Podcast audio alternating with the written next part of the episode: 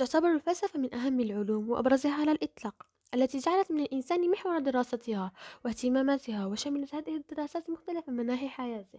ومن أهمها مفهوم الشخص الذي يندرج ضمن مجزوءة الوضع البشري ويدل هذا الأخير على تلك الذات القادرة على تعقل وتأمل ذاتها والتصرف بمحض إرادتها والقادرة على التمييز بين الخير والشر والصدق والكذب والحاملة لقيمة. حيث أن كل ما يميز كل شخص عن الآخر عواطفه وأفكاره بالأخص تصرفاته وأفعاله التي تعبر عن الطريقة التي ينظر بها الإنسان إلى ذاته ووجوده فمنها تظهر مدى تقديره لقيمته كشخص. إلا أننا بإمعان النظر في موضوع القيمة نجده يطرح توترا وإحراجا دلالته من جهة على قيمة مشروطة أي القيم التي يتم بواسطتها معاملة الشخص كوسائل ومن جهة على قيمة مطلقة أنه أن أي أنه يتم معاملة الشخص معاملة خالصة من أي مصلحة أو منفعة بل أنها تطلب لذاتها. تلك هي المفارقة التي تدفعنا على طرح الإشكاليات التالية ما قيمة الشخص وما أساسها؟ وكيف تتحدد قيمة الشخص هل بوصفه غاية في ذاته أو مجرد. موضوع شيء وسيلة؟ يمكن لأي كائن أن يتصرف فيها طوع رغباته وشهواته. يعرض النص أطروحة مفادها أن قيمة الشخص أخلاقية تستوجب الاحترام والتقدير أثناء الفعل والسلوك وأن فكرة الإنسانية تجعل الشخص غاية وليس وسيلة. تستلزم معاملته بطريقة تليق بإنسانيته. اعتمد الفيلسوف في النص بني مفاهيمها بينها علاقة ترابط وتكامل حيث يقصد بالشخص أنه هو الإنسان الذي يعي ذاته ويتصرف باستقلالية ودون وصاية من أحد. وأما الانتحار فهناك مقولة تلخصه فهو حل دائم لمشكلة مؤقتة.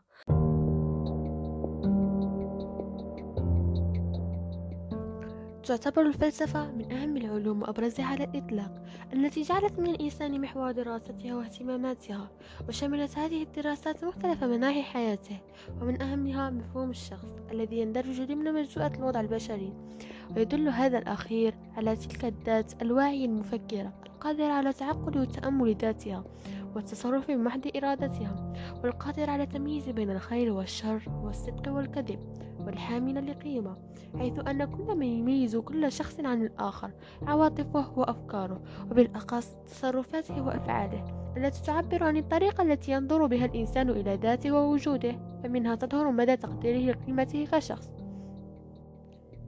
إلا أننا بإمعان النظر في موضوع القيمة. نجده يطرح توترا وإحراجا دلالته من جهة على قيمة مشروطة أي القيم التي يتم بواسطتها معاملة الشخص كوسائل ومن جهة على قيمة مطلقة لأنه يتم معاملة الشخص معاملة خالصة من أي مصلحة أو منفعة بل إنها تطلب لذاتها.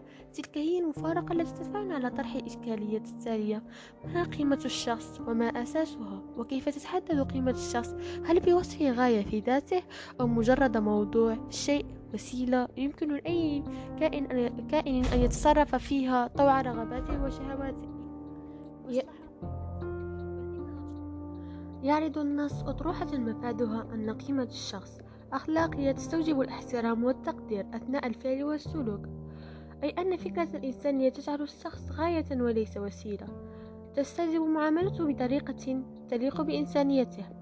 اعتمد الفيلسوف في النص بني مفاهيمية بينها علاقة تكامل وترابط حيث يقصد بالشخص هنا هو الإنسان الذي يعي ذاته ويتصرف باستقلالية ودون وصاية من أحد وأما الانتحار فهناك مقولة تلخصه فهو حل دائم لمشكلة مؤقتة وهو الفعل الذي ينهي به الشخص حياته حيث أن في الفلسفة المثالية كتب المؤرخ اليوناني هيرودوت عندما تكون الحياة مرهقة جدا يصبح الموت ملجأ مطلوبا والوسيلة تدل على أنها أدوات مرتبطة بالاستعمال والنفع وتحقيق الأعراض وتحقيق الأغراض ووسائل مشروطة بمصلحة بمجرد انتهاء الغرض تفقد, تفقد كل قيمة. وأيضا تطرق الكاتب على مفهوم غاية في ذاته أي ميزة خالية من أي مصلحة ومنتزعة على أي منفعة أو غرض. وللدفاع صاحب النص على أطروحة استعمل سلسلة من الأفكار الحجازية من أجل تقريب الفكرة من ذهن القارئ من مستواها المجرد الفلسفي إلى مستواها المعيشي. عرض مثالين للتوضيح. أولا مثال الانتحار أي ذلك القرار الذي يتخذه المرء بأن يضع حدا لحياته. هربا من حالة مؤلمة أو هربا من حالة مؤلمة أو وضع لا يطاق أو غيرهما.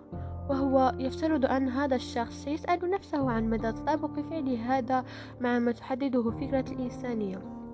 لكن هذا الفعل أو, أو التصرف يجعلنا نتفق أنه احتقار لقيمة الشخص وهدر لكرامته. وثانيا مثال الوعد الكاذب الذي نعطيه للغير بغرض قضاء حاجة ما أو جلب مكسب. وهو أيضا فعل يعتقد يعتقر قيمة الغير ولا يحترم إنسانيته. كما أنه اعتمد على التوكيد والإثبات من خلال قوله إن الشخص إلى آخره. والشرط مع الإثبات فإذا, فإذا لجأ إلى تحطيم نفسه ليهرب من حالة مؤلمة فإنه يستخدم بذلك شخصا كمجرد وسيلة إلى آخره. لكن إلى أي حد استطاع صاحب النص إقناعنا؟ وهل يمكن القبول بهذا التصور كحل لإشكالية قيمة الشخص؟ إنما قدمه صاحب النص من كلام حول قيمة الشخص بوصفه غاية في ذاته أي أن الشخص قيمة أخلاقية عليا. أي أن للشخص أي أن للشخص قيمة أخلاقية عليا. تستحق الاحترام والمعاملة كغاية وليست وسيلة وليس كوسيلة وأن هذه القيمة مستمدة من الإنسانية أي من كون الشخص ذاتا عاقلة قادرة على الوعي بذاتها وإدراك قيمتها الأخلاقية. أما المعاملة باحترام للشخص فتكون بالنظر إليه كغاية وجعل الإنسان هدفا في ذاته وغاية أسمى. سواء في شخصه أو في الشخص الغير عبر الامتناع عن استغلاله من أجل غاية ما مهما كانت مردودية هذه الأخيرة بالنسبة لنا. كما أن النص قيمة حجاجية حيث جاءت أطروحته متماسكة ومنسجمة ومبنية على استدلالات منطقية. وأضفى أيضا قيمة أخلاقية قيمة أخلاقية بكون الشخص غاية وقيمة سامية وأن احترامها واجب أخلاقي لا يقبل أي استثناء. لكن لكل أطروحة حدود. وحدود هذه الأطروحة هو أنها ركزت على الجانب الأخلاقي وأغفلت جوانب أخرى لها دور في تأسيس قيمة الشخص. الشيء الذي انتبه إليه العديد من الفلاسفة الذين تناولوا هذا الموضوع من زوايا نظر مختلفة حيث ذهب الفيلسوف الفرنسي جورج, جورج غوسدورف إلى أن أخلاقية الإنسان لا تتحقق بالانعزال والسعي إلى الاكتفاء الذاتي بل تتحقق بالمشاركة والانخراط الفاعل في العالم حيث يقول إن أشكال الانفتاح والتضامن مع الآخرين هي مصدر مكانة الشخص. كما نجد الفيلسوف إيمانويل موني الذي عرف الشخص بالكائن المتميز بالإبداع وشخصية, وشخصية فريدة وغير قابلة للوصف ويكتسب قيمته بواسطة الإبداع والتواصل والانخراط مع الذين مع الغير. لكن مهما اختلفت الآراء والتصورات حول محدد القيمة لدى الشخص فإنها لا تختلف فإنها لا تختلف في كون الإنسان ذو قيمة في المجتمع وفي الكون. وهنا نجد العالم ماسلو في هرمه المشهور هرم ماسلو يصنف الحاجة إلى التقدير والإحترام ضمن حاجات الإنسان الإنسان الخمس في حياته. وتأتي الحاجة إلى التقدير قبل الحاجة إلى تحقيق الذات مما يبين أهمية قيمة الشخص في تحقيق اكتفاء الذات.